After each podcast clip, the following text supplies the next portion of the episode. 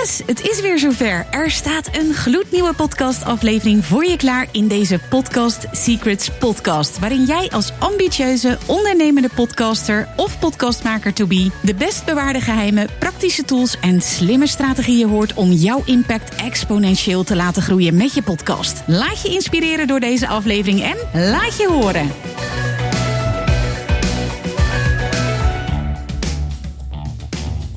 Heel tof dat je er weer bent. En um, leuk dat je kijkt. Deze keer in Amsterdam bij Thomas en Lotte. Oftewel de Brocco Podcast. Heel, Hallo. Ja, echt zo vet dat jullie erbij zijn. Ja, leuk dat, dat je dit wilt doen. We kregen zo'n lieve mail. Een hele warme mail. Ja. Ja, het, we konden gewoon geen nee zeggen. Het was te, te leuk. Nou, we hadden natuurlijk net op jullie gestemd voor de radioring. Dus even Dank voor je. degene die Lotte en Thomas niet kennen. Want wij natuurlijk ons niet kunnen voorstellen. Maar ze zijn van Brocco de podcast. En Lotte ken je misschien wel uit de octrooienbusiness. ja, als je octrooi hebt, dan ken je me daarvan. Dat zou, Zou zeker kunnen. En je bent natuurlijk ook inmiddels wel heel groot op TikTok. Ja, steeds groter. Maar meer met random dingetjes uit mijn leven. Dus geen vaste skits of ja, situaties. En we hebben samen dan de, de Brocco TikTok. Ja. En dat, ehm, ja, dat gaat helemaal top. Maar daar gaan we het zo nog wel over hebben, denk ik. Yes, we gaan het hebben over Brocco en het succes achter de podcast. Brocco de podcast. En ehm, dan is er nog Thomas. Ja, hoi. Ook wel bekend als Kortom. Dat klopt. Ja, wat heb jij allemaal eh, niet gedaan? Je Oh hebt mijn ehm, god, tien jaar onwijs mooie eh, YouTube-concepten neergezet. Inderdaad, inmiddels ruim tien jaar. Tien jaar, ja, ja, ja. Ja, dus waar kunnen mensen jou onder andere van kennen? Oeh, nou als je op YouTube teruggaat, eh, vooral van heel veel kanalen. Ik begon ooit in het Engels, Boredom Tom. Toen eh Kortom, maar ook de jongensgroep Space heb ik opgestart. Ja. Zelf in de eerste lichting gezeten. De eerste YouTube talentenjacht van heel Nederland gemaakt. Daar nieuwe jongens opgezet. eh en, en Teamac is een entertainment platform. Eigenlijk de nieuwe hitkrant Nieuwe Girls. En, en eh, een van mijn grootste successen op YouTube was vroeger uit meidenmagazines voorlezen met andere jongens. En later was een hele grote piek, was eh, schooltour. Een serie waarbij ik langs middelbare scholen ging om daar de jeugd te interviewen met eh, lekker brutale vragen. En dat eh, is nog steeds goed voor een scala aan ehm, memes die nog steeds eh, het internet rondgaan. Dus dat is wel heel leuk altijd, ja. Yes. En Ja. toen bedachten jullie genoeg eh, YouTube-concepten eh, Ja. neergezet. Nou, of in ieder geval jij dan, eh, Ja, Thomas. To- Tony bedacht het. Ik, ja, ik zit niet in de business, zoals eh Ik je net gezegd heeft. Maar hoe het ging eigenlijk... Ik weet, er waren nog niet zoveel podcasts, want Broers was bijvoorbeeld nog niet begonnen. We leerden elkaar kennen in corona. Dat is even misschien voor de luisteraars Ja. ook, wel, eh, ook wel handig om te weten. Is dat ik denk dat we elkaar ontmoeten in mei 2020. En dat klikte gewoon heel goed. En vanaf daar, op een gegeven moment, besloot jij dat het zo goed klikte. En dat we, het, eh, ja, dat we zo makkelijk konden praten over alles. Ja, Dat we misschien wel een podcast moesten starten. dat was het inderdaad. Want ik, in corona ging je toch anders denken over je tijd en de content. En ik ging dan eerst wat naar middelbare scholen toe voor die viral interview video's. Op dat moment was dat voor mij een van de grootste dingen. En ik deed nog wel leuke dingen daarnaast. Weet je. Ik deed dingen voor tv, voor Zep bijvoorbeeld. En mijn eigen TikTok ging steeds sneller. Maar in corona ging ik ook andere media, denk ik, consumeren. En ik denk dat dat ook het moment is dat ik ging luisteren naar ehm, Views van David Dobrik en Jason Nash. Dat is echt mijn favoriete podcast, omdat ik David Dobrik ook echt een fantastisch leuke YouTuber vind. Heel grappig. De dynamiek tussen hen is heel leuk, want David is een beetje zoals ik, ook een beetje chaotisch, ook een beetje mijn leeftijd. En Jason is dan een soort van ja, oorspronkelijk gefaalde comedian uit Las Vegas. En die is echt 50 en ze hebben een hele leuke dynamiek, want Jason heeft al kinderen en is al gescheiden. En, eh, sorry, ik stoot op de laptop. En ehm, David, eh, die, die moet alles nog ontdekken in het leven. En, en dat, dat vond ik zo leuk om te luisteren. Maar eigenlijk waren wij nog net voor die burst van iedereen moet een podcast hebben. Want dat gevoel heb ik nooit echt gehad. Het was meer dat ik dacht van, ik vind het zo grappig. Ik zou gewoon heel graag een podcast willen maken. En toen eh, kwam ik erachter eigenlijk dat met Lotte had ik gewoon echt grappige gesprekken. Ook gewoon aan de telefoon. Mhm. Zeg maar, ik merkte gewoon dat die humor en dat lachen en een beetje dat duistere randje af en toe van onze humor, dat, dat rolde een beetje vanzelf. Ja. Of zo. Ja, En toen zat ik na te denken van, ik wil eigenlijk wel een podcast. En toen zat ik ook te denken van, hey, zal ik dan de Marije Zuurveld of zo vragen? Zo'n YouTuber die ik dan al zeven of acht jaar ken. En ik dacht van, nee, dat is te veel werk. Nee, dat voelt te veel als werk. Ja. En ik dacht van, waarom zoek ik het gewoon niet dichter bij mezelf? En dan maar met minder weergave, dacht ik oorspronkelijk, maar het is helemaal ontploft. Eh, en toen dacht ik, Lotte, het is toch veel leuker als wij het doen. En dan kijken we waar het schip strandt. Toch? Ja, Ja. ja. en zo heeft hij het aangekaart. Maar ik had in eerste instantie zoiets van... ja, maar wie zit daarop te wachten? Ik dacht wel Ja. van... oké, als ik me ervoor in ga zetten, dan, dan lukt het wel. Want ik weet dat ik leuke verhalen te vertellen heb. Ik weet, ehm, weet je, wat werkt. Alleen ik dacht, ja, wil je dat niet met iemand doen die groter is? En uiteindelijk, ehm, ja... bleef To wat dat betreft standvastig. En die zei van, nee, nee, ik wil het echt met jou doen. En zo zijn, Ja. we, zijn we begonnen bij hem thuis eerst. Oh ja. Ehm, Een paar maanden. ja, ja, ja, ja, ja. En uiteindelijk bij hem op kantoor. Dat was zonder video nog. Ja, En toen op kantoor hebben we denk ik besloten van we gaan het gewoon filmen. En dan gaan we leuke stukjes op TikTok plaatsen. Waarmee we dus in 2022 45 miljoen views hadden. Kun je dat geloven? Dat is echt dat zoveel. is echt heel veel. Gewoon met kleine stukjes uit de podcast. Ja, dat is veel meer dan mensen natuurlijk naar onze podcast luisteren. Anders hadden we de grootste podcast van heel Europa wel misschien gehad. Ehm, ja, dat eigenlijk. En Dat, dat is heel erg organisch gegroeid. Ja, bizar eigenlijk. Hè? Want voor mij, en ik denk ook wel voor de kijkers, voor de luisteraars, is dan toch wel de vraag van: jij bent een grote YouTuber. Waarom ben je niet een hele toffe serie met Lotte begonnen, bijvoorbeeld? Hè, waarom zou dat dan een podcast moeten zijn? Waarom heb je gekozen voor Oh. dat medium? Ik denk omdat wij als van nature zoveel aan het lullen waren. En ik maakte toen nog best wel redelijk wat YouTube-content. Dus ik dacht van, nou ja, je zoekt vaak ook iets nieuws misschien. Iets, iets wat je nog niet doet. Mhm. En iets waar je zin in hebt ook. Ik heb nu bijvoorbeeld ook even geen YouTube-content gemaakt... omdat ik gewoon ja, even content was met mijn TikTok-carrière en campagnes... En, en, en de podcast en, en de tv-dingetjes die er lopen. En ik presenteer nu ook, ga ik iets presenteren. En kijk, ik kijk ook eigenlijk altijd heel erg van wat voel ik en waar heb ik zin in. Dus het is ook een gevoelskwestie dat ik dacht van... hé, hey, dit lijkt me nou echt wel leuk. En, en toch wel... Het klinkt misschien stom hoor, want podcast maken is natuurlijk best wel een, een art op zichzelf. Maar qua de tijdsinvestering is het wat laagdrempeliger dan een YouTube-video. Want dan Mhm. gaat al snel 15 uur in één video zitten, op zijn minst. Ja. Voordat hij echt online staat. Maar Eh, ik had ja. YouTube ook niet gedaan. Ik zag de podcast wel als iets waarin ik echt mezelf, ehm, ja, tussen aanhalingstekens kon laten zien. En waarop mensen mij echt kunnen leren kennen. En bij een YouTube-video is dat deels toch ook afhankelijk van hoe je eruit ziet.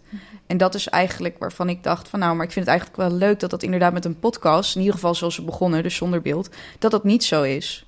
Is het meer gescript op YouTube? Is het meer een rol spelen? Of wat is precies het verschil voor jou, voor Mm, jullie? Ik heb daar wel een idee over. Eh, op YouTube heb je te maken met een heel streng algoritme. Als je succesvol wil zijn op YouTube, dan moet je eigenlijk haast wel video's maken tussen de 8 en 15 minuten of Mhm. tussen de 8 en 20 minuten. Die op een hele pakkende manier beginnen. Die... Ja, ja, ook, maar ook je uiterlijk.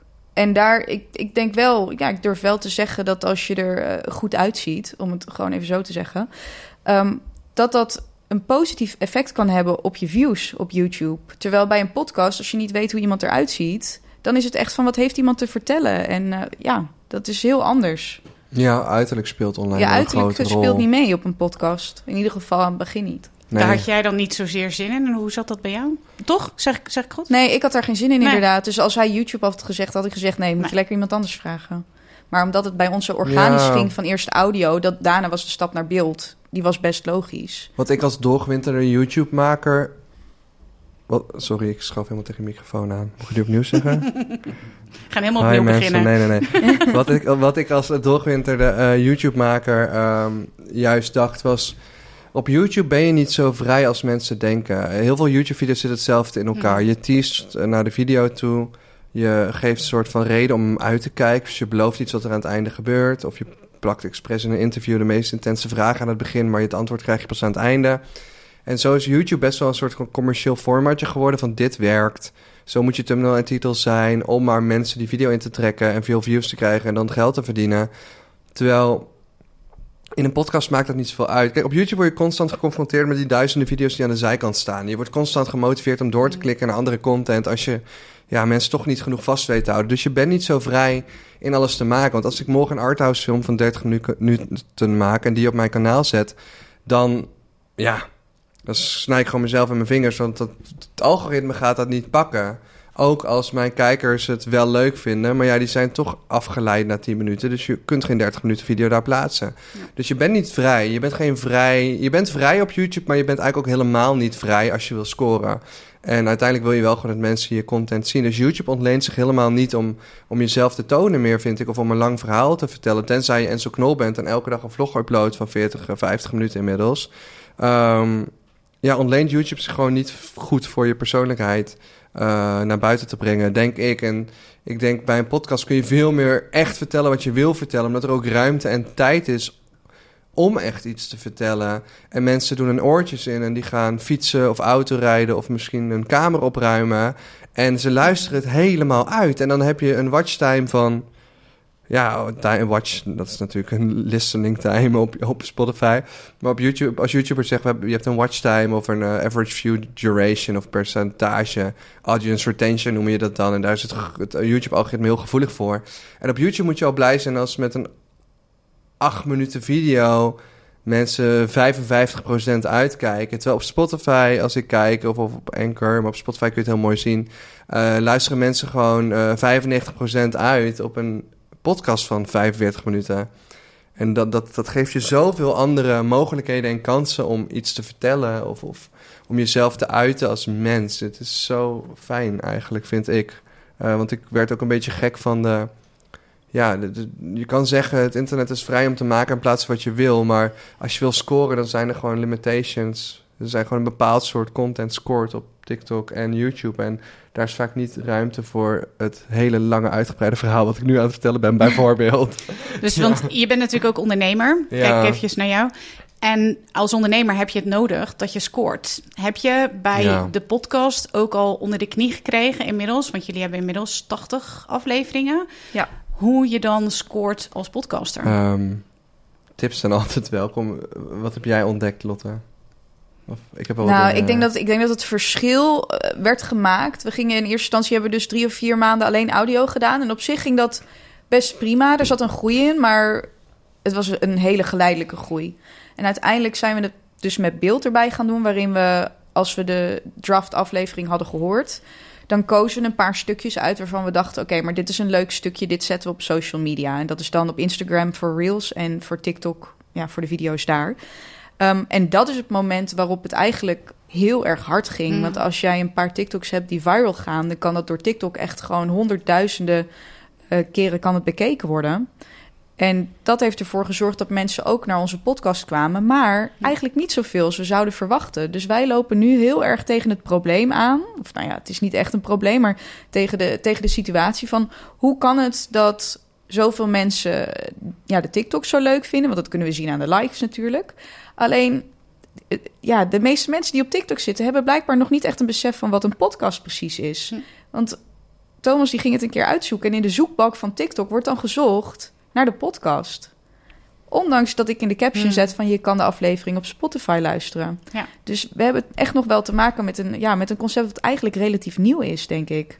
Dus want je hebt dan bereik. Hè? Je krijgt zeg maar door de promotie van de podcast en dat vervolgens dus te doen op, met short video op onder andere TikTok. Ja. Daardoor krijg je bereik. Vervolgens wil je dat bereik richting je podcast Precies, krijgen. Want je wil het hele verhaal, zeg maar. Je ziet op TikTok maar een kort stukje. Maar ja, kom naar de hele podcast, want dan hoor je het hele verhaal. En dat, dat is ja, die conversie is heel lastig. De herkenbaarheid van de podcast is heel groot. En je hebt gewoon te maken met een bepaald publiek.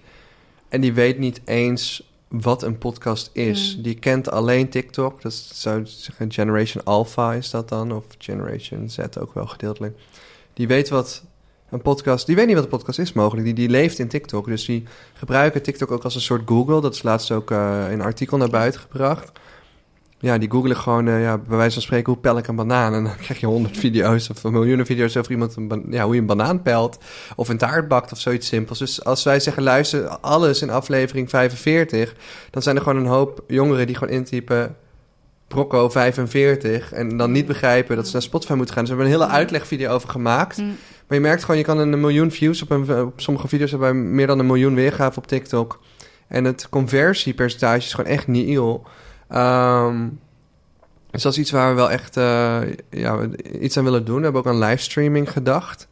eh, op TikTok. En, en, en we vertellen soms verhalen en die maken we dan af op Spotify. Dus dan vertellen we niet het hele verhaal. En zelfs dan zijn er mensen die zeggen, plaats deel 2. en dan denk ik van, nee, het staat gewoon op Spotify, wat begrijp je niet. Ehm, maar ja, probleem waar je te- ja, het is lastig en succes kun je het sturen. Ik denk een pakkende titel kan soms wel eens Mm. werken, dat er iets meer mensen klikken. Voor mijn gevoel werd er veel op de laatste titel geklikt.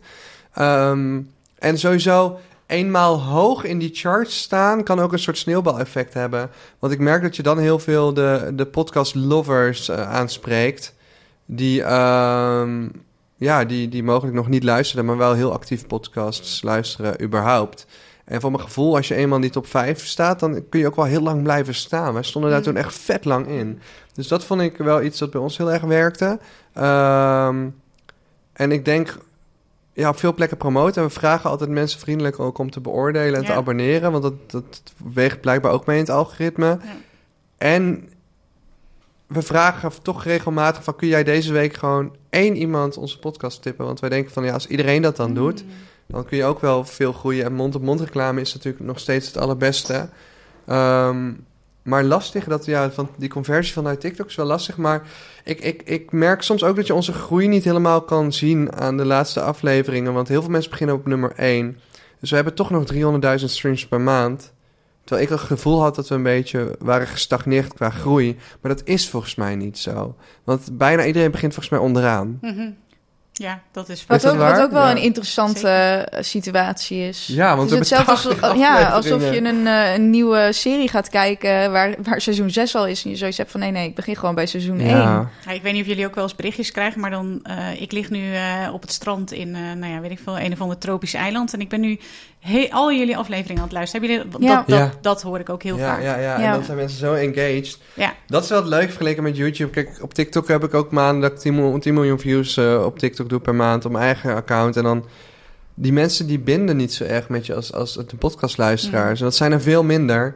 Maar als je die mensen op straat tegenkomt, die weten alles van je leven. Ja. Het is bijna freaky, maar I love it. Nou, het is wel, Ja. wat, wat bijvoorbeeld wel grappig is, is dat toen wij nog bij jou thuis opnamen, toen hadden we zo van, wat is het doel van onze podcast? Nou ja, dus op een gegeven moment waren we aan het nadenken. Toen zei ze, oké, we, willen, we willen heel graag dat eh, Ali B op een gegeven moment bij ons komt zitten.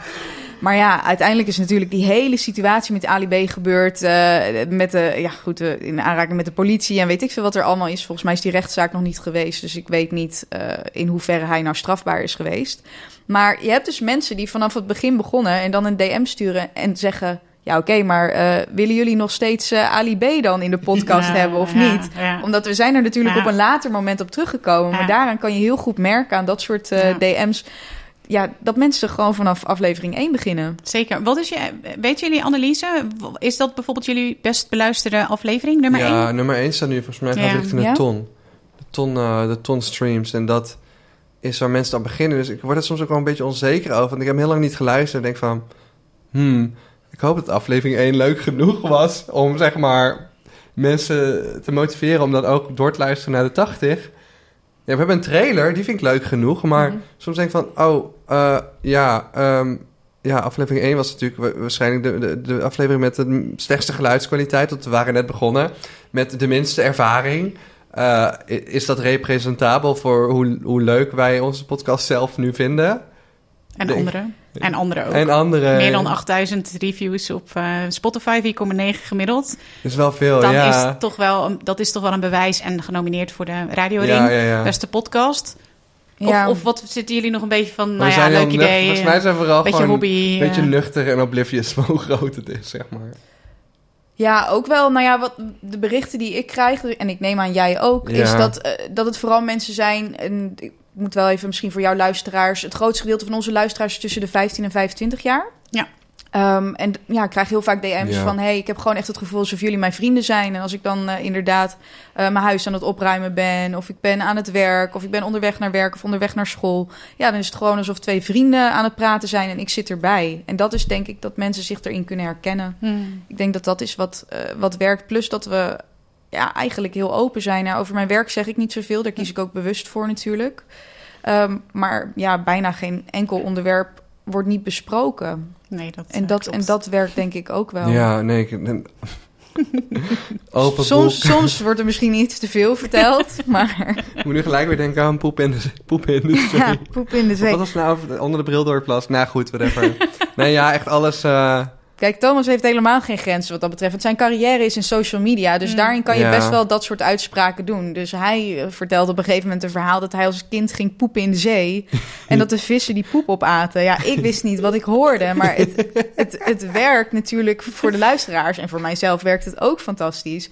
Alleen, dat zijn wel meer de onderwerpen... waar ik nog even twee keer over nadenk... voordat ik dat in de podcast gooi. Omdat ik denk van ja, ik heb ook klanten natuurlijk... die ook mijn podcast kunnen luisteren. Ja, zijn dit de dingen die je dan wil horen? Ja, ik denk het niet. Want jullie zijn uiteindelijk dus een comedy podcast. Hebben jullie, Ja. Zitten jullie ook in de categorie comedy? Vroeg ik me af. mm, Dus ja, je- volgens mij heb ik ons er wel eens... We hebben ook een keer... Ik, kreeg, ik had toevallig gisteren een DM ja, over het onderwerp waar, waar ik het dus niet over heb. Dat we in de categorie seks stonden. En dat ik dacht, nou, dat Nee. klopt helemaal niet. Ah, ja, ik heb volgens een mij is een grote, eh, van de meest beluisterde aflevering. De aflevering met seks, met grote letters en dan nog iets erachter. En die komt als eerste naar boven als je in Spotify... Oh, wat Boko, erg. ehm, dus het zou kunnen Is inderdaad... dat goed of slecht? Nou ja, ik denk dat seks altijd wel... eh, seks zelfs. Seks zelfs. Ja, dus Het ik zelfs denk dat dat sowieso. wel een, een, een onderwerp is wa- waar veel op gezocht wordt en dat dat gewoon hoog Oh my god. staat. Maar dat, die- dat was een soort van... Ik, ik wist toen niet wat ik als titel moest doen. en eh, we hadden het over... Ik weet niet of het... We hebben niet eens zo erg over ons seksleven. Dat is iets wat... Nee, we ik de- helemaal niet over het mijne door mijn werk dus. En in jij vertelt ik- soms wat. Ja, en ik vertel wel vaak over zeg maar, dat ik op beide val. Want ik hoop dan me- mensen die daarmee in de knoop zitten... een beetje mee te helpen ook. Maar echt, ik ga niet in detail vertellen wat ik in bed doe, zeg maar. Eh, maar, maar volgens mij is de naam van die aflevering is heel veel seks... en dan zo'n soort van piemel gemaakt van een acht en is-tekens en zo'n pijltje. Wat gewoon een soort van... Het was een soort joke, gewoon even random. Maar ik, ik zag inderdaad dat die aflevering heel veel beluisterd is. Ja? En ja, het is niet heel representabel voor de podcast. Want ik zou zeggen... Nee, want het gaat eigenlijk helemaal niet over seks. Nee, ik zou zeggen, het is echt absoluut een comedy podcast. En, en, en niet echt intentioneel com- comedy. Het is meer onze... Wij zijn best wel ad rem allebei, denk Mhm. ik. En dat is het comedy gedeelte. En eh, we poepen gewoon snel woordgrappen uit en zo. Ja, maar we Ehm, maken ook hele rare dingen mee. En dat werkt ook. Plus, ik, grappig, ik onthoud ja. het altijd. Want ik denk, mensen zeggen dan tegen mij van... ja, wat maak je altijd veel mee? Maar dan denk ik, Mm. ja, jij maakt ook veel mee... maar jij registreert het niet. Terwijl ik weet meteen van, Ja. oh, dit werkt. Als ik dit ga vertellen... Ehm, ik was bijvoorbeeld vorige week eten bij een vriendinnetje van mij. Haar opa is blijkbaar toen hij eh, 20 was... dus we hebben het hier over jaren 60 of zo, denk ik. Toen was hij 20. Was hij aangereden door een tram. En vervolgens heeft hij een gouden rib gekregen, blijkbaar. Dat, dat, dat gebeurde toen nog blijkbaar. Had je blijkbaar geen titanium of zo, ik weet het niet. Maar hij had een gouden rib. Maar vervolgens, die man is natuurlijk uiteindelijk jaren later overleden. En toen kreeg die hele familie ruzie of ze zijn lichaam moesten opgraven... om die gouden rib eruit te halen. Maar ja, dan moet je wel even onthouden dat je dat verhaal gehoord hebt, toch? Want dan denk ik, dit is gewoon een verhaal wat ik wil vertellen. Dat Ja, is toch een dubieus verhaal. in Leiden was dit gebeurd. Maar dat is het. Dat Laat is het. Het enerzijds onthouden, maar het vervolgens ook nog eens goed kunnen vertellen. Dat is toch wel wat jullie podcast uniek maakt, zal ik maar zeggen. Ja, Thanks. dat Ja, ik denk dat dat een soort eh, eh, gouden, authentieke match is geweest. En, en, en die voelde ik toen wel een beetje aan, inderdaad. Dat is ook waarom ik niet een bekende collega... Mm. Ik kan natuurlijk, ja, als je tien jaar YouTube doet, heb je een grote pot waar je uit kan graaien, zeg Mhm, maar. mhm. Qua, er zijn vast een hoop mensen die wel een podcast willen starten. Mhm. Maar toch, ja, ik dacht, nee, dit gaat wel echt om... Als je voor de lange termijn denkt, dan is het vaak slim om niet met zo'n collega aan zee te gaan. Want dan ga je misschien toch voor wat meer commerciële doeleinden doen. En dit was echt zoiets van, ja, we hebben allebei een inkomstenbron al. Mhm. Laten we gewoon kijken waar dit schip strandt. En dat is ook waarom we misschien een beetje achtergebleven zijn met het verdienmodel. Dat we nu wel in gesprek zijn met, eh, met bepaalde partijen om het te monetizen. Want volgens mij kun je dus best wel veel geld met een podcast verdienen. Als je even al die eh, monetization eh, modellen aanzet. We hebben wel wat campagnes gedaan. Maar Ja. we zijn nu wel iets meer aan het kijken van... hey, ehm, moeten we niet met een bepaalde partij een jaardeal sluiten of iets Mhm. dergelijks. Ja, maar comedy podcast is trouwens ook nog om daar even op terug te komen. Wat ik ook fijn vind, ik, ik, ik vind de wereld met cancelcultuur heel vreselijk. En ehm, ik dacht ook wel van, ik hou van grappen maken. En mensen kennen mij ook als een YouTuber waarom je moet lachen, denk ik dan, hoop ik. Ehm, het mooie vind ik ook als je zegt comedy podcast, dan vind ik ook dat je evenveel eh, moet kunnen zeggen als op het podium van een comedian. Ehm, hoe noem je dat in het Nederlands? Cabaretier? Cabaretier, ja. Mhm. Precies, ik was het even kwijt. Eh, en en, en, en ik, ik, ik, er wordt veel te veel gecanceld en gedaan tegenwoordig. En er wordt ook heel vaak beweerd onder mijn YouTube-video's en TikToks van... wanneer wordt hij nou eens gecanceld? Ja, maar op een gegeven moment had ik er ook wel genoeg van. Want hij zat bijna elke aflevering... Ja, cancel me dan, jongens. Cancel me dan. En dan denk ik, ja, maar ja, hoe vaker je dat zegt... op een gegeven moment zit er iemand tussen die denkt... Oh ja, maar ik heb wel wat over jou gehoord. Of ik heb wel eh, Ja, een printscreen van een bericht van jou of wat dan ook. Mm. Dus je moet het ook weer niet in de hand gaan spelen. En op een gegeven moment was je dat echt aan het doen. dat ik dacht van, dit is ja. gewoon dom. Je bent jezelf aan het... Nee, wat het wel Ja, is, aan het ik ben een cancelen. activist tegen cancelcultuur, maar wat ik vind met cancelen, een eigenlijk zeg maar natuurlijk, je kan even flink slecht in de media komen, weet je wel, of eh, je kan iets gedaan hebben, maar uiteindelijk zijn er natuurlijk maar bepaalde dingen waarvoor je gecanceld kan worden en dat is, als je het mij vraagt, bijvoorbeeld ehm, eh, seksuele dingen met iemand doen die dat niet wilde of te jong was. Eh, wat is nog meer dingen waar iemand gecanceld voor kan worden? Ja, ongewild seksuele afbeeldingen naar mensen sturen of vragen. Maar dat valt onder deel 1 ook. Geweld of zo? Eh, ja. Ja. iemand inderdaad in elkaar slaan of echt geweldpleging. En dan, ehm, dan ben je er al bijna. Like, waar kun je echt om gecanceld worden, weet je Mhm. wel? En tegenwoordig beweert iedereen dat je om alles gecanceld kan worden. En wij maken ook echt wel eens grove grappen. En ik, en ik eh, we hebben nou laatst heel hard om zitten lachen dat, ik, eh, dat we op een gegeven moment zeggen... ja, kinderen in Afrika die weten niet eens wat een lumpia is. ja. En dan denk ik van ja, kom op jongens, van we mogen ook nog lachen met z'n allen. En ik, jullie komen niet uit Amsterdam, maar Amsterdam is best wel een linkse bubbel waar alles gecanceld moet worden blijkbaar. En ik denk in heel veel andere delen van Nederland valt dat best wel mee. Maar we mogen ook nog gewoon lachen. En er mag duistere humor zijn. En, en, en humor mag over de dood en verderf gaan, weet je. En er komt een tijd dat, dat er een keer... ehm, ja, dat zo'n vliegtuigramp die bijvoorbeeld een aantal jaren geleden is gebeurd, weet je, dat is allemaal heel vers, vers, vers. Maar er komt op een gegeven moment dat je zo'n grap kan maken als, als comedian of cabaretier zijnde.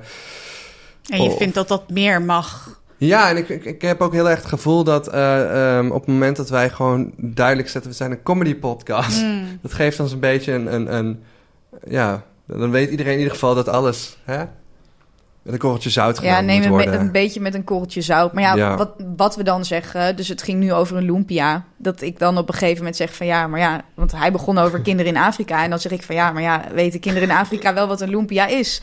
Ja, ik vraag me dat af. Weet een Japanner wat stampot is? Ja, maar- Volgens mij niet. Ik weet het niet. Maar ja, omdat we al zo erg bezig zijn met... ja, word je nou gecanceld of niet als je dit zegt... ja, is het best wel moeilijk. Maar uiteindelijk moet je toch Ja. bij jezelf blijven. En dan denk ik, ja, ik vraag het me oprecht af. Ik weet het niet. Nou, kijk, mijn, de podcast is voor mij ook mijn anti-cancel mechanisme. Want als ik over twee jaar een keer ergens aan de pillen op een festival gefilmd word door iemand, ik leef ook, dan kun je gewoon terugluisteren naar de podcast dat ik daar al lang een keer openlijk iets over heb gezegd. Dus ik deel alles, weet je. En, en echt te ver gaan, eh, dat, dat, dat doe ik niet. Dus in die, in die zin vind ik juist de podcast wel een manier om alles wat context en uitleg te geven wat je doet in je leven. En dat vind je fijner dan Fijn, YouTube, oh, zo waarin fijn. alles meer gescript en Ja, een soort rol is wat je. absoluut. Ja. Was je het een beetje zat, die rol? Ja, het gevoel dat dingen kort geknipt moesten worden, vond ik echt wel irritant worden, ja. En nu, ja, nu kun je gewoon echt, de mensen volgen je om jou. En op de, ik had wel veel YouTube-series dan, ja, mensen vonden mij natuurlijk wel leuk, maar die volgen me ook voor het formatje dat ik dan maakte. En dat was natuurlijk, dat stond niet zonder mij, maar nu, nu is het echt puur jezelf gewoon. Het is niet een format, wij lullen echt gewoon what- whatever er in ons opkomt. Het is echt Ja. ons. Maar, ik ben, maar Ja. Mirjam, ik heb een vraag aan jou. Want jij zag, zag jaren geleden al dat podcasts Ja. eigenlijk het nieuwe ding zouden worden. Wat, is, wat, wat triggerde jou om eigenlijk jouw hele business daaromheen te bouwen? Want tot Visionair. zover ik het kon vinden, ja, is, is jouw hele business draait om podcasts. Ja. En, en doe je dat ook al jaren? Ja, klopt. Ik ben in 2016 zelf begonnen. En ik denk in 2015 met, eh, begonnen met luisteren. Dus voornamelijk Amerikaanse podcast. Ja. Business gerelateerd. En Maar hoe kwam je ermee in aanraking dan? Via een nieuwsbrief. Daar stond in van een Amerikaanse marketing specialist. En die zei: luister mijn podcast. Dus ik klik. En opeens was daar een podcast over Facebook adverteren, wat ik toen heel interessant vond. En ik dacht, wauw, dit is interessant. Toen heb ik mijn laptop overal mee naartoe genomen. Ik was aan het koken, ik was aan het, het was aan het ophangen. Ik denk, dit is interessant. En ik kan zomaar in verloren tijd kan ik Ja, die kennis opdoen. Ja. En toen kwam ik er dus achter dat je ook een podcast-app had. Dat Ja. wist ik daarvoor nog niet, want daarvoor ging ik dus met mijn laptopje overal heen. En ja, toen was echt eh, het hek van de dam. En toen ging ik overal luisteren. En kwam ik er ook achter dat er Nederlandse podcasts waren. Dat was op dat moment nog maar heel weinig. En in één zo'n podcast zei iemand... in die tijd dat jij, een podcast, dat jij deze podcast luistert... kun je ook een eigen podcast maken. En toen had ik veel gesprekken met mensen. En toen dacht ik, weet je wat ik doe? Ik zet er een microfoon bij. Ja. En dan heb ik een podcast. Even heel simpel gezegd. Eigenlijk misschien ook wel een beetje wat, je, wat jij zei. Van, nou, we hadden aan de telefoon al hele leuke gesprekken. Ja. Ja, en dan heb je eigenlijk al snel een podcast. Ja. En maar was je toen ook was je ermee bezig van ik vind het gewoon leuk om te praten en Ja. we gaan het zien? Of was je ermee bezig van dit kan echt een business worden en hiermee ga ik geld verdienen? Nee, absoluut niet. Nee, maar ik was er wel heel erg in geïnteresseerd. En toen kwamen mensen ook wel naar me toe van... joh, hoe heb je dat gedaan? Zo'n succesvolle podcast eh, opgebouwd. Interessante gasten. Hoe doe je dat? Hoe krijg je zulke interessante gasten? Ehm, die vragen kwamen steeds vaker. En ja, zo ben ik mensen gaan helpen, eigenlijk heel simpel gezegd. En ja, toen werd ik ook steeds vaker gevraagd... in de media bijvoorbeeld, om er iets over te vertellen. Ja, ook omdat er dus niet heel veel mensen waren. Nee. Dus wat dat betreft was je ja, de eerste. ja, eh, wat natuurlijk ook heeft meegespeeld. ja, maar er zijn nog steeds niet zo heel veel. Nee? Nee, eigenlijk Dus niet. je hebt eigenlijk nog niet echt concurrentie, wat natuurlijk dan voor jou heel, eh, heel fijn is. Ja, Ja. precies. Ja, ja. Ja, dus het is heel makkelijk inderdaad om die positie ook in te nemen. Want op een gegeven moment zeiden ze dan ook... ja, de, de podcast-expert van Nederland. En ik dacht echt, ja, right. Maar op een gegeven moment merkte ik ook van... ja, ik ben de enige die zo stom Ja. doet. Oké, ik ben de podcast-expert van Nederland. Goed dan. En Nou ja, is toch een prima titel om Wat te top, hebben. wat top, toch? Dus Ja. ja. toen dacht ik, nou, dan kan ik het maar beter omarmen. Ja. En eh, toen ben ik me ook zo gaan profileren. En ja, En dat is ook het moment geweest waarop je dacht van... oké, dan Ja. ga ik er nu dan ga ik er wel echt een business van maken. Ja. En, en hoe, hoe heb je dat dan gedaan? Ik ben heel, heb je weer naar Amerika gekeken? Want in die mate, wij hebben het er ook wel eens over gehad in de podcast... dat Amerika loopt gewoon een paar jaar voor. Dus als je kijkt van wat is er hot in Amerika... dan weet je, ja, over een paar jaar is dat in Nederland hot. Want je had eigenlijk niks natuurlijk om mee te beginnen. Dus hoe, hoe heb je dat opgebouwd dan? Ik, het was in coronatijd en ik ging een tijdje naar kantoren toe om ondernemers te interviewen. En dat wa- was dan hun podcast, de start van hun podcast. Ja. En op een gegeven moment ja, kon dat niet meer vanwege corona, maar ik kreeg nog wel steeds die vraag: hey, hoe doe je dat? ja. En toen ben ik een driedaagse training begonnen. Start je podcast in drie dagen. Oh, ja. 25 euro. En dat was meteen, waren daar heel veel mensen die daar interesse in hadden. En ja, zo is het eigenlijk begonnen. Zo ben ik begonnen met de Podcast Academy. Dat was de start van mijn Podcast Academy. En die heb ik eh, tot op heden nog steeds. Daar zijn inmiddels meer dan 1500 mensen die dat hebben doorlopen. Ja, wauw. En die met hulp van de Podcast Academy hun eigen podcast zijn gestart. En ook dat eh, daar dus luisteraars voor krijgen en monetizen. Ja, en dat vind ik ook echt, dat vind ik ook, dat is wel echt mijn sweet spot. Dus dat ondernemerschap en het podcasten, dat vind ik echt. eh, En is er, is er één podcast die er tussenuit springt voor jou... waar je echt heel trots op bent dat dat, dat door jouw cursus eh, is gekomen? Of ben je met Mm, allemaal heel blij? Ja, dat is, oeh, dat vind ik wel, dat is een beetje kiezen uit al je kindjes of zo. Ja, Hè? daarom vraag ik het ook. Ben benieuwd of je dat zou doen. Ja, dat is toch wel een gewetensvraag. Ehm, mm, ja, oh, dat vind ik wel echt moeilijk. Je hoeft geen antwoord te geven. Ja. Als je zegt van nee, Ja. dat vind ik te Er moeilijk. zijn zulke mooie mensen die hun cursus zijn gestart door middel van de Podcast Academy. Ja. Dus bijvoorbeeld eh Raga Levy van Chaos in de Orde vind ik een heel mooi voorbeeld. Maar bijvoorbeeld ook eh, Martijn van den Berg van de Zo Word Je Steenrijk podcast. Die inmiddels grote sponsoren heeft voor zijn podcast bijvoorbeeld. Ja. Ja, dat vind ik allemaal zo tof. Ja, dat vind ik echt eh, super mooi om te zien. En spreek je die mensen dan nog? Zeker, Ja? ja. ja. dus ik ehm, organiseer ook summits. En dan vraag ik of ze misschien wat willen vertellen... over bijvoorbeeld het monetizen van hun podcast. Ja, super mooi om te horen. Ja, ik vind het heel leuk dat je daar zo vroeg bent ingestapt. Ja. Zeg maar, toen jij dat bericht had gestuurd, toen ging ik... Ik heb je naam natuurlijk gewoon gegoogeld. Leuk. En toen dacht ik, oh, ik dacht, ze is er al echt wel lang mee bezig. En daar heb ik het met To ook nog over gehad. Van, oh, zo, ze was wel echt... eh, ze was wel echt vroeg. En ik denk dat dat ook wel de reden is dat we zoiets hadden van... ja, we willen wel graag met je gaan praten. Want ja, je zit er al zo lang in. Je bent niet iemand die, die gisteren begonnen is en zoiets heeft van... oké, nou, ik ga nu beginnen en dan gaan we wel zien hoe ver het komt. Ja, leuk. Hey, wat betreft monetizen ben ik heel Ja. erg benieuwd. Want jullie hebben natuurlijk ook betaalde podcast Ja, aangeboden. ja, ja, ja. Ja. Ehm, sponsoren, hebben jullie ook wel Ook mee geflirt? gedaan, een stuk of drie, vier misschien. Drie of zo. Ja? Drie, denk ik. Ja. Vier.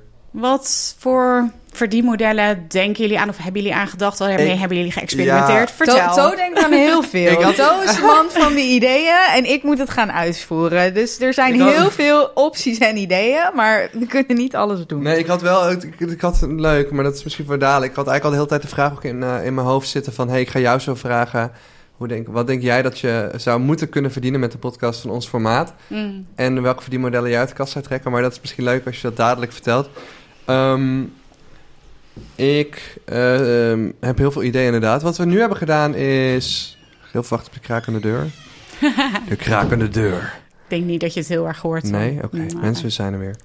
Ehm, sowieso sponsorships, zoals ik ze eigenlijk al op YouTube en Instagram deed. Dus echt dat je gaat vertellen over een merk in de podcast. Dat doen we nu. Eh, Een aantal keer gedaan met eh, Sony hebben we dat gedaan. Dat hebben we gedaan met eh YFood. En dat hebben we gedaan met Air up. Air Up. En dat hebben we gedaan met de overheid voor het HPV-virus. Ja. 4. En ehm, we willen nu ook kijken met de partij of dat we dus toch eh, pre-rolls kunnen doen. Ja. Die ze programmeren op de podcast. En we zijn best groot nu, dus we zijn nu aan het kijken met de partij of dat, dat ja, misschien een soort van jaardeal kan worden. Dat is ook wat we weten wat we eraan overhouden. Eh, dan is er de optie om op Spotify mensen te laten betalen voor extra afleveringen. Maar dat kun je zelf ook doen via Petje Af. Maar wat het probleem was met Petje Af, is dat mensen alsnog die link door kunnen sturen. En het niet echt een waterdicht systeem is. Op Spotify is het probleem dat mensen niet met Ideal kunnen betalen. Ja. En we hebben een, eh, een jonge following. Dus dat is een absolute dealbreaker. Spotify, fix het. Eh eh, idem dito voor YouTube. Eh, die eh, laat ons al, eh, die zegt al vijf jaar lang... Doe memberships op je kanaal. Eh, en dan betaal je dus ook extra voor extra content. Bij een YouTuber. Ook dat kan nog steeds niet met Ideal. Dus wat al deze grote partijen denken is van... ja, de hele wereld is ingesteld op creditcard. Behalve Nederland. Dat is ook echt waar. Nederland is daar gewoon heel anders in. En eh, ja, als kind krijg je gewoon niet even je moeders creditcard om iets aan te schaffen. Dus dat is gewoon een dealbreaker. Dus wat we uiteindelijk dachten van ja, als we bij Petje Af toch een percentage moeten afdragen en het systeem niet eh 100% waterdicht is, dan gaan we het gewoon zelf doen via Shopify met een eh, plugin. Ja. En dat kost zo'n paar tientjes per maand. Maar eh, ja, het is gewoon een webshop. En daar kunnen we dan uite- uiteindelijk, om over nog een verdienmodel te spreken, kunnen we daar ook een t-shirt en bijvoorbeeld een leuke mok in plaatsen. En dan kennen mensen die webshop-omgeving al. Dan denken ze van, oh, nou, misschien koop ik die aflevering nog bij of die erbij. En wat wij dan heel slim deden, was de eerste maand... Ja, plus ehm, we moeten wel even duidelijk maken dat die aflevering die in onze webshop eh, staat, dat die dus niet op Spotify komt en ook niet op YouTube. Dus je had, Ja. daar betaal je apart voor. Ja. Je kunt ervoor kiezen om alleen de audio te kopen of om audio en video. En dan zit je eigenlijk dus naar een soort YouTube-video te kijken. Ja. Ehm, en ja, die blijft daar ook betaald staan. Maar we kregen bijvoorbeeld wel vragen binnen van mensen die zeiden van ja, maar wanneer komt het dan online? Ja, dat komt het dus niet. Mm. Ehm, dus het is in die mate was dat wel een heel nieuw concept. Maar het was wel leuk om te kijken of het aansloeg en ehm, ja, hoe we het zelf vonden. En ik denk dat wij ons vooral even verkeken hebben over, eh, ja, over hoeveel tijd het kost om dat nog te editen en de audio. Want je bent, ja, je bent niet alleen een video aan het maken, je moet eigenlijk die special maken vanuit de audio. Ja. Dus hij is ook geëdit in eerste instantie zonder beeld. Ehm, nou ja, en dan kom je dus aan bij. ehm, dan kom je dus aan bij het, eh, het andere verdienmodel. Dat ze dus dingen in je webshop zitten, eh, zetten. eh, zoals een, een t-shirt, een mok. Maar we hebben nu eigenlijk het, het hele raamwerk gecreëerd. Ze zouden nu wel met een betere snelheid nog een tweede special kunnen maken. Mhm. En die maken we de eerste maand een euro goedkoper. Om mensen echt te motiveren om ze om dan aan te schaffen. Hoe werkt dat precies? Kun je dat uitleggen? Je maakt een Shopify webshop. Mhm. Ik heb heel veel webshops gehad voor merchandising als YouTuber zijn. Ik denk een stuk of vier. En ik zou ook iedereen aanraden dat gewoon via Shopify te doen. Fantastisch, fantastisch bedrijf. Uh, alles werkt gelijk, het betalen werkt gelijk. Een makkelijk, een template, een design, een af. Het is echt Mm. zo makkelijk gemaakt, maar je kunt zo'n mooie webshop erin maken. En je hebt allerlei plugins, net als bij Google Chrome. Dus als je iets ontbreekt, dan is er wel iemand die die plugin heeft gebouwd. En dat kost misschien een klein bedrag per maand. Maar alles is al bedacht en mogelijk. Geen programmeur die eraan te pas hoeft te komen. Dus ik heb gewoon een plugin gezocht voor het verkopen van een digitaal bestand. En dat was even aan de knoppen draaien, maar voilà, alles werkt. En ehm, los van een klein beetje klantenservice wat Lotte nu doet... eh, en toen op het moment wel wat meer... ehm, gaat eigenlijk alles vanzelf. Je, je, mensen kopen iets, ik krijg een notificatie van ping... en iemand krijgt in de e-mail gewoon een link eh, naar dat bestand... En dat kunnen ze dan eh, vijf keer luisteren om ervoor te zorgen dat mensen niet naar elkaar doorsturen. Mhm. Maar als iemand dat dan echt vaker wil luisteren, kunnen ze ons gewoon mailen en dan kunnen wij die vijf keer gewoon weer resetten naar nul. Dus dat is eigenlijk hoe het werkt. Het is eh, echt, echt heel, heel simpel. Maar wat ik ook heel leuk vond, eigenlijk, is dat eh, we hebben hem in december aangeboden. 1 december geloof ik. En toen was het 4 euro voor beeld en geluid. En vanaf januari zou het dan een euro duurder worden. Dus dan zou het, hetzelfde bestand zou dan 5 euro zijn. En ik kreeg DM's van mensen die zeiden... ja, ik gun jullie euro meer. Dus ik heb een hele maand gewacht... Oh. zodat Nee, ik hem nu voor 5 euro kan kopen. Echt? Ja. Ja, we hebben ook een doneerknop er gelijk bij gemaakt voor 2 euro. En die kunnen Mhm. mensen zo vaak in een winkelmandje doen als ze willen. En we hadden ook mensen die blijkbaar toch zo eh, invested zijn in die podcast... dat zij eh, voor 4 euro dan het beeld en audio kochten. Het was trouwens een anderhalf uur special... dat wij naar een donker bosje gingen... Oh ja. waar het mogelijk zou spoken. En eh, het ging ook een beetje over de medische kant van bloedzuigers. Hebben onszelf laten bijten door bloedzuigers. Nou, een heel lang verhaal. Litteken aan overgehouden ik ook. zei gisteren nog tegen iemand, omdat ik nu in de zon heb gezeten... in Curaçao zie je die littekens veel beter. Aha. Ehm, maar je Stoer, Ja, stoer. stoer. Gebeten door Wel een sterk bloedzuiger. Ehm, en ehm eh, waar was ik? Mensen... Over je specials. ja, Mhm. ja, dat gaat gewoon heel makkelijk. En Mhm. ehm, ik was toch iets aan het vertellen, maar ik weet niet meer wat. Maar ja, mensen kochten het. Ik, ik weet niet meer waar ik van. Nou, als je, want, want je stel- stelde nog de vraag van, joh, hoe zou je het kunnen monetizen? Ja. Als ik jullie podcast zie en ook het bereik wat jullie hebben, dan zijn er eigenlijk twee dingen waar ik zo eh, aan denk. En dat is enerzijds natuurlijk adverteren, maar ja, daar hebben jullie zelf natuurlijk ook al eh, Ja. vaak over nagedacht. En het andere is, ik denk dat je niet moet onderschatten in hoeverre Brocco al een merk is. Dat weten jullie natuurlijk zelf ook wel. En daar kun je ook veel meer een beweging van maken. En dat kun je bijvoorbeeld doen door een event aan te bieden, een online event of een eh, offline Oh event. God, ik deze man, die krijgt nu ideeën weer. Ik zie het al gewoon aan zijn hoofd dat hij denkt, Membership. oh, een, een Ja. event. Membership, Ja. meet and greet, achtige. Ik zou nog steeds wel leuk vinden een... ehm, wat mij aanspreekt wel, maar dat doen we natuurlijk een beetje in de webshop. Maar misschien kunnen we in de webshop een membership aanbieden... om met ons bijvoorbeeld in een Telegram groep te zitten. Maar het wordt Mm. wel druk. Maar ik zou dan misschien eerder denken aan een afgesloten Instagram-account... waar we op live kunnen gaan. Maar dat mensen alleen toegang hebben als ze ons dus volgen. Zoals Broers ook doet, vind ik slim wat Ja. zij doen. Ja. En verder, ik denk dat advertenties gewoon optimaliseren... En, eh, dat, maar dat is echt wel heel veel werk. En, en, en dat er moet groter voor zijn. Ja, er gaat best wel veel werk in zitten. En, en ja, wat wij dan wel Ja. hebben, is dat dit is niet onze main business. Dus je Mhm. moet ook een beetje een soort keuze maken van ja, waar ben je bereid om je tijd in te steken? Zeker. Ja. Ehm, want ja, je moet het niet onderschatten. Ik denk Zeker. gewoon dat we het verdienmodel heel erg op moeten krikken naar een punt dat je gewoon echt gewoon part-time iemand erop kan zetten. Mhm. Ik denk dat dat misschien wel slim is. En wat mij ook... eh, kijk, bijvoorbeeld ons lijkt allebei het, bijvoorbeeld een theatertour heel leuk. Mhm. En er zijn ook partijen die interesse hadden en ook een sponsor die interesse had. Eh, maar dat is misschien ooit voor later. Maar eh, die mensen van theater, die waren helemaal van... Ja, maar theater moet dit hebben en dat hebben, zus hebben en zo Mhm. hebben. Terwijl ik 100% zeker weet, als wij naar theater gaan... en we zitten alleen deze witte tafel neer met een witte backdrop... en wat paarse elementen... dan hebben wij niks nodig Mhm. qua show of productie. Daar ben ik eigenlijk nog steeds over... eh, Het is een soort van live podcast die je dan opneemt. Ja. Maar Toch? ja, daar, Of- of- daar kwamen ook heel veel... Hij staat nog aan. Ja. Daar kwamen ook heel veel kosten bij kijken. En ik, Ja, ik maar moet ook zeggen, wel- ik zit niet in die business. Maar ik schrok er eigenlijk Ja. nog, wel, Ja, nog wel van maar- wat dat allemaal kost. Ze zeiden van ja, je kunt niet zomaar alleen daar met een tafeltje en microfoons gaan zitten. Maar ik denk het wel, Mhm. eigenlijk. Ik denk dat mensen dat leuk genoeg vinden.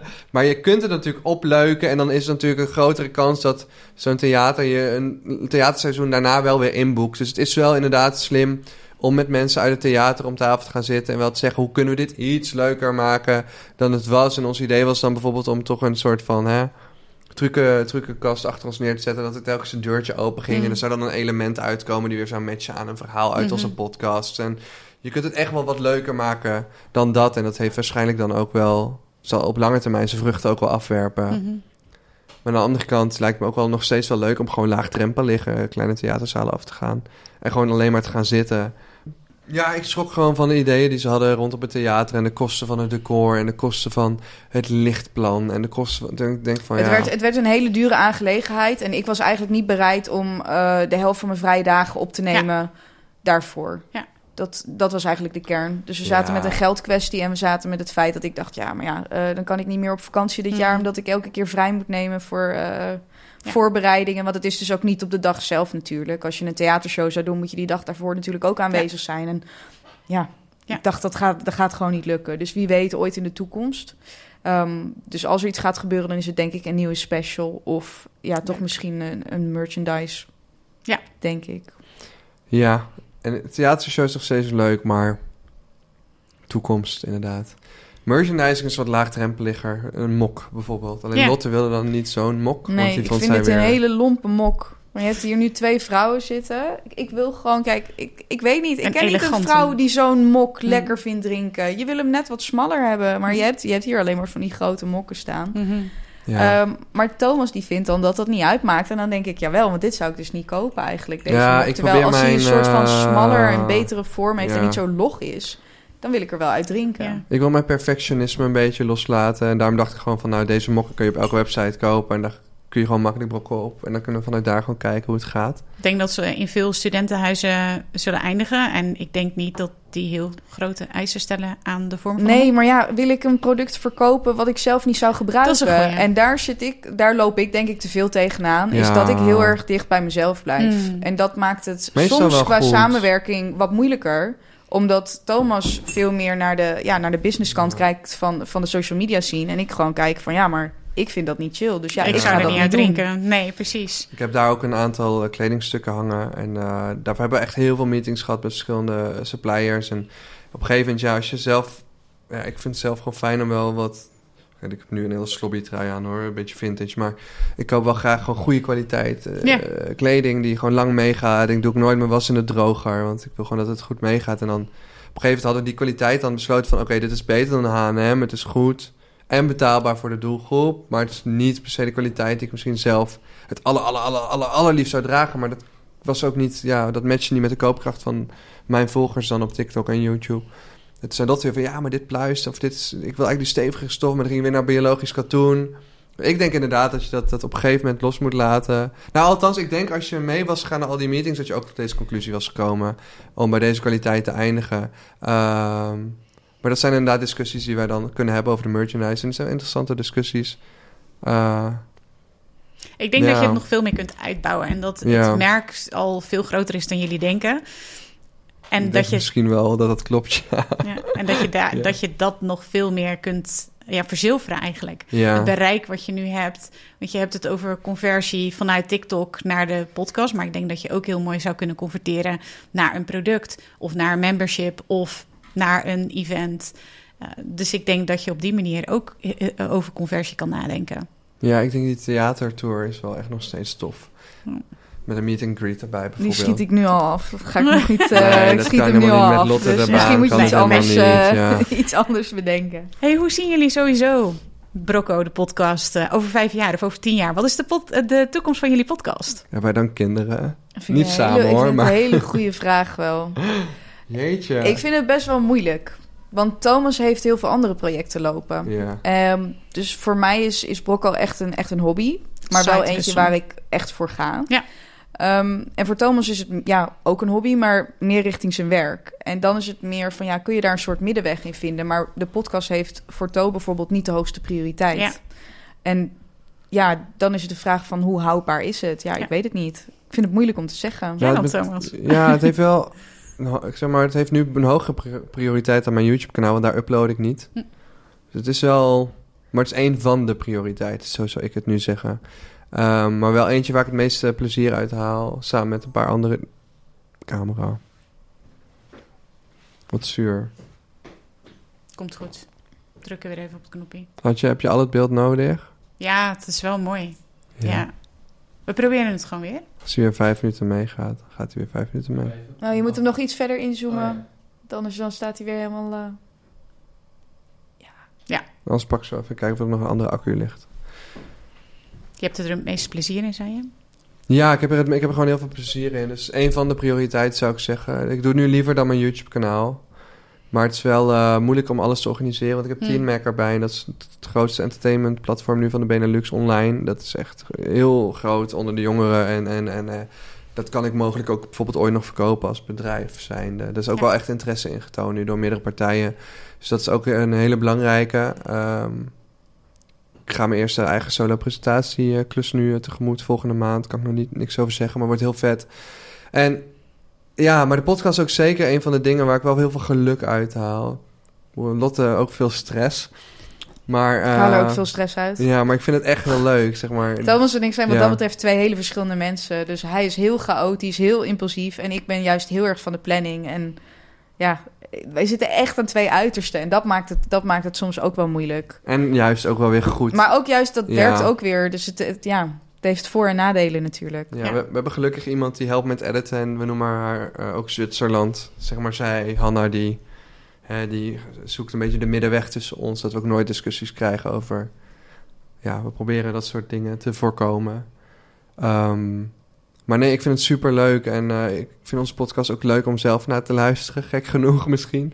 Ehm, daar maak je hem ook. Zeg maar. Dus ik, ik luister ook altijd met plezier terug. En ja, ik zie daar wel... eh, ik zou graag vaker een special willen maken. En uite- uiteindelijk zo'n theater zou natuurlijk top, vinden, top zijn. Maar ik heb bijvoorbeeld ook... Ik zou ook wel graag solo of in een soort comedy collectief zelf nog wel ooit Mm. stand-up comedy willen doen. Bijvoorbeeld misschien over drie jaar. Dus ik heb wel veel ambities. Ik heb ook wel dingen... Ja, die, die ik... Er is zoveel mogelijk. Eh, dus dat is inderdaad wel waar. Maar de podcast is wel een van mijn prioriteiten. Meer dan mijn eigen YouTube-kanaal nu, blijkbaar. Wat kunnen Ja. wij als podcasters nou leren van YouTubers? Bijvoorbeeld, ik zie dan bijvoorbeeld samenwerkingen die heel veel gedaan worden. Dat zie ik bij podcasters nog minimaal. Ja, er worden veel samenwerkingen gedaan inderdaad online. Ehm, ook lange termijn vaak koppelen aan een merk. Dat is veel meer trustworthy natuurlijk als je zegt van ik doe alleen Coca-Cola nu het hele jaar. Ik doe het bijvoorbeeld met Heineken, Hm. Interpolis nu. Het is allemaal TikTok. Hè? Heineken, Interpolis, L'Oreal. ehm, nu met een uitzendbureau. Maar het is allemaal voor lange termijn. Dus ik denk dat soort lange termijn samenwerkingen zijn super interessant. En eh, ja, ik hoop niet dat podcasters hetzelfde lot tegemoet gaat als veel andere social media platformen. Dat het allemaal nog korter, nog Mhm. pakkender, nog sneller moet zijn.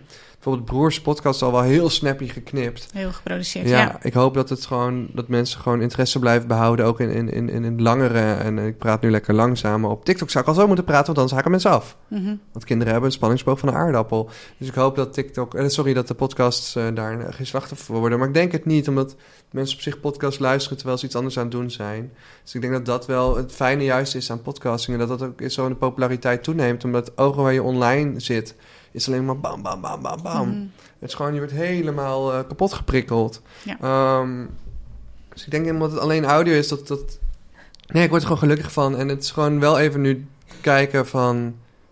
Wat gaan we wel doen, wat gaan we niet doen, wat gaan we wanneer doen. Maar dat geldt eigenlijk voor alles wat ik nu doe, ook voor mijn eigen kanaal. ja. Ik moet dit jaar wel weer iets op mijn eigen YouTube-kanaal gaan uploaden. Maar de vraag is even wat en wat vind ik leuk. En... Dus dat is eigenlijk allemaal een beetje een lastige puzzel met tijd soms. Ja, want jij gaf dat Ja, aan- voor jou. Ja, voor mij is het eigenlijk moeilijk. Ja, ik had wel stabiliteit nu, omdat ik een goede werknemer heb, fulltime, maar die gaat nu weg. Mm. En die heb ik nog drie werkdagen mee. En daarna heb ik nog geen vervanging. Dus dat is even het pakket waar ik nu weer in zit. Mhm.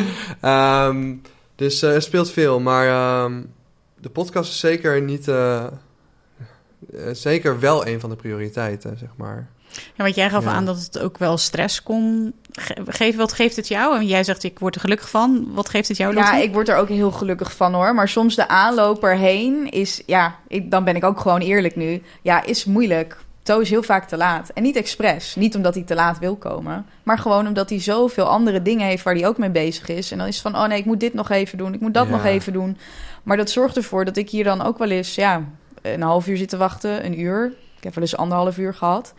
Maar ja, ik kan niet zoveel doen, want ik zit hier op een kantoor, niet in mijn eigen huis. En dat zorgt dan wel voor irritatie. Dus ik heb wel het idee dat de afgelopen anderhalf jaar... dat we tot een soort van steeds betere, productievere flow zijn gekomen. Maar ja, ik, ik weet wel van ja, hij heeft andere... Oké, de podcast is ook een prioriteit, maar er speelt gewoon heel veel bij jou. En het is niet realistisch om te verwachten van... weet je wat, we gaan een theatershow doen... als hij nog zoveel andere eh, dingen heeft die spelen. Ja. Dat vind ik niet, dat, ja, dat vind ik gewoon niet realistisch. Nee, het is ook Want dat niet. betekent dat ik dan veel meer voor die uitvoering moet doen, omdat hij daar geen tijd voor heeft. Mhm. En dit is wel iets wat je samen doet. Ehm, dus daar moet je dan ook ongeveer allebei evenveel tijd in kunnen steken. Dus wie weet komt dat wel. Ik zou bijvoorbeeld een radioshow, zou mij heel gaaf lijken. Oh, die was ik vergeten, ja. Daar, dat, daar, daar waren we eigenlijk op aan doelen ook, ja. Ja, dat, dat lijkt mij. Dat was dan het nieuwe doel in plaats van Ali B. Dat was van, Komt oké, een ehm, radioshow. Komt een Radio Armageddon aan. Heb je dat gehoord? Er Nee. komen veilingen en dan worden alle FM's opnieuw verdeeld en zo. Oh, wauw. Dat kan goed zijn dat Q-Music daar helemaal niet meer 100.7 is. Gek, hè? Ik heb daar wel iets over gehoord Ja, en, en ze zeiden bij een bepaald radiostation waar we nu contact mee hadden van... neem maar weer contact met ons op daarna, want we Mhm. weten niet wie er dan nog werkt hier. Ja, ja, ja.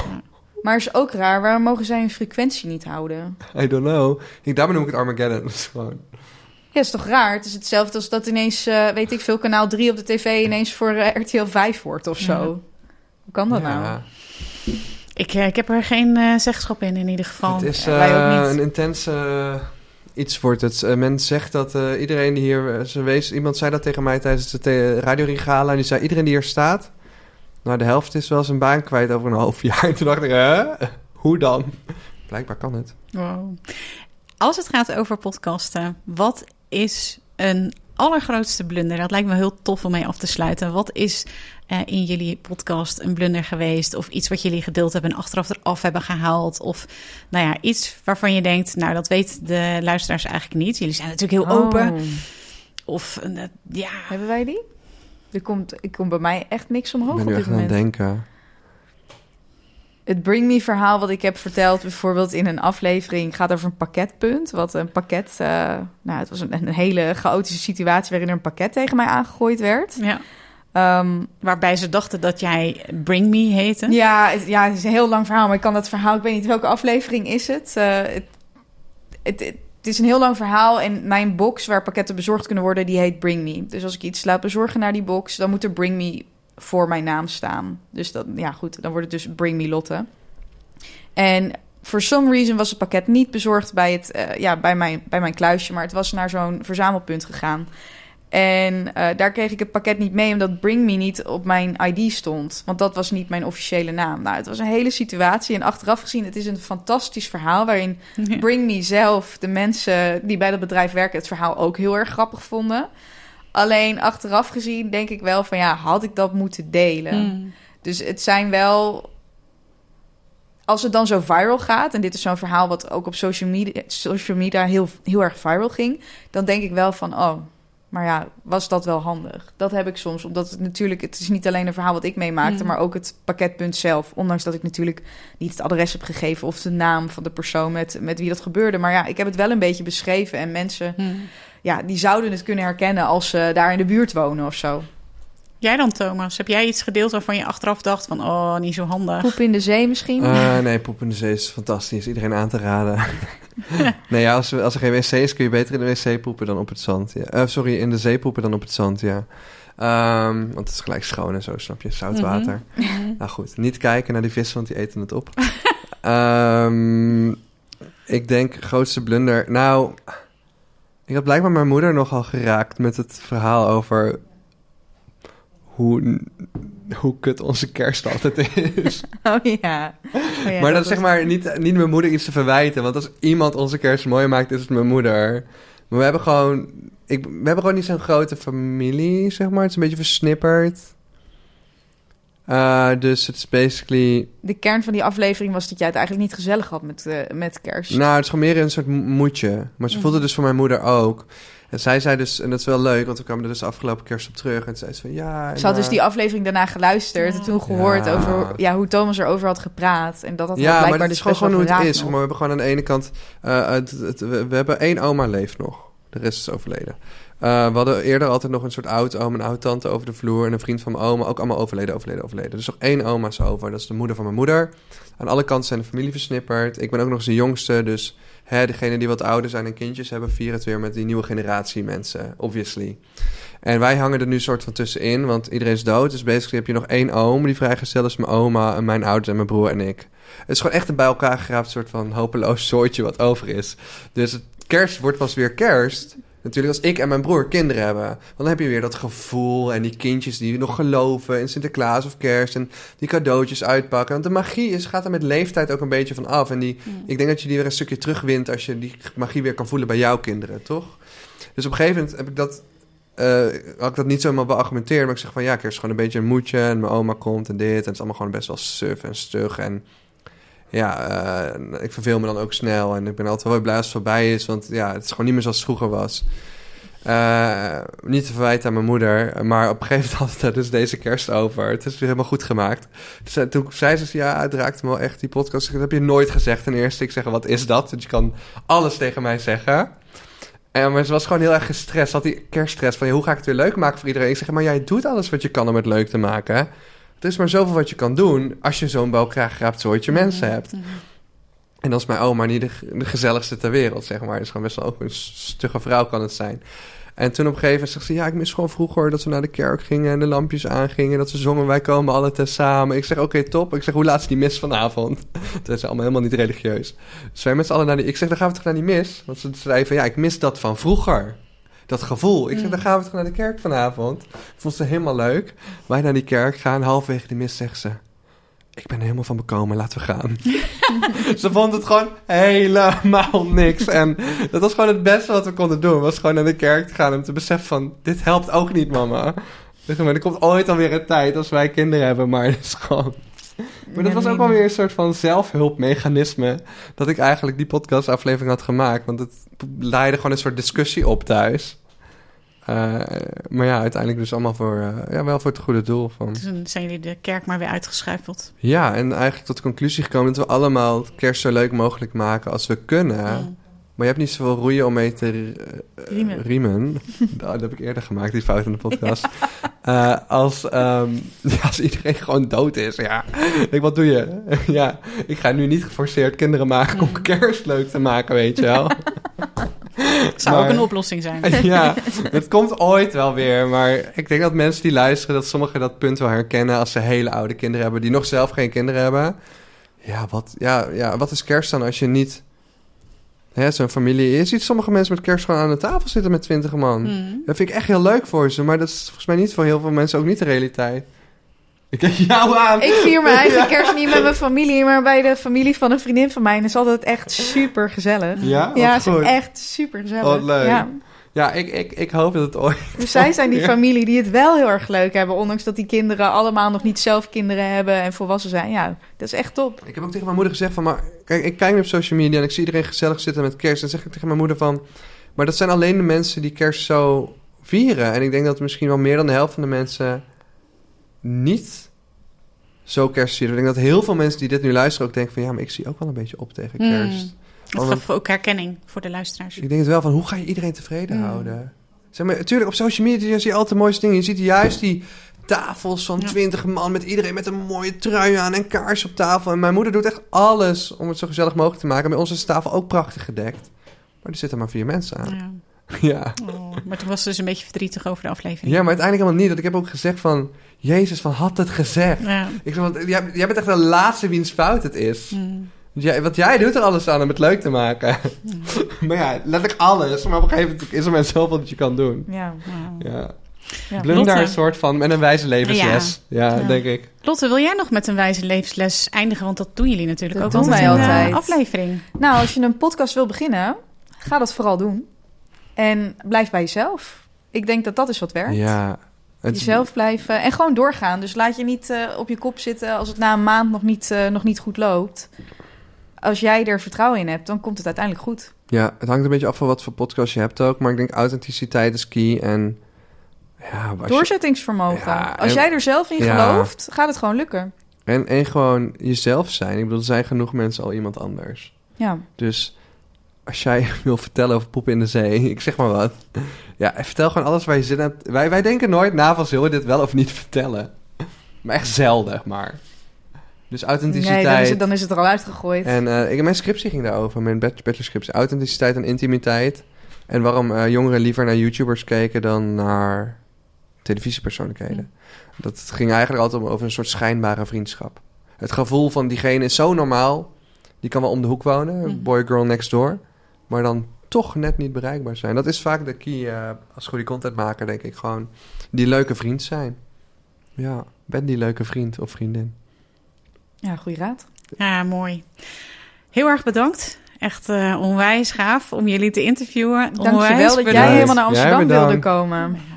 Dankjewel. Top, dank je. Doei doei. Doei doei. Baby, baby girls. Baby girls. Voor de mensen die niet snappen, dat zeggen wij altijd Zo in onze podcast. wij altijd. Ja. superleuk dat je weer luisterde naar een aflevering van mijn podcast Secrets Podcast. Ik kijk er alweer naar uit om een volgende aflevering voor je op te nemen. Tot dan! In de tussentijd heb ik nog een aantal hele toffe dingen voor je. Ben je een podcast starter en ben je door het luisteren van deze aflevering enthousiast geworden om je eigen podcast te starten? Schrijf je dan nu in voor mijn podcast masterclass, waarin ik mijn beproefde supersnelle podcast startformule deel, die inmiddels honderden podcastmakers to be succesvol toepasten. Ga naar mirjamhegger.nl slash masterclass, meld je even aan en je doet gratis mee. Heb je al een podcast en wil je meer mensen bereiken en geld verdienen met je podcast? Kom dan zeker naar mijn masterclass De Podcastcode Gekraakt, waarin je ontdekt hoe je viral kunt gaan met je podcast. Ga naar mirjamhegger.nl slash gekraakt, meld je even aan en je doet gratis mee. Dus ben je een podcast starter? Ga naar mirjamhegger.nl slash masterclass. Heb je al een podcast? Ga naar mirjamhegger.nl slash gekraakt. Als je deze podcast luistert, is de kans groot dat je dol bent op podcasten en het ondernemerschap. Luister dan ook zeker even naar mijn andere podcast die ik sinds 2018 maak. De Hooked on Business podcast. In deze podcast krijg je een exclusief kijkje in mijn ondernemersavonturen, keuzes die ik maak en ik deel concrete tips over alles wat met het ondernemen te maken heeft. Mijn Hooked on Business podcast vind je gewoon op alle podcastkanalen als je even zoekt op mijn naam. Ook kun je mij volgen op Instagram, waar ik dagelijks interessante posts en stories deel via Mirjam Hegger Podcast Expert. Een hele mooie dag gewenst. Tot snel en natuurlijk laat je horen.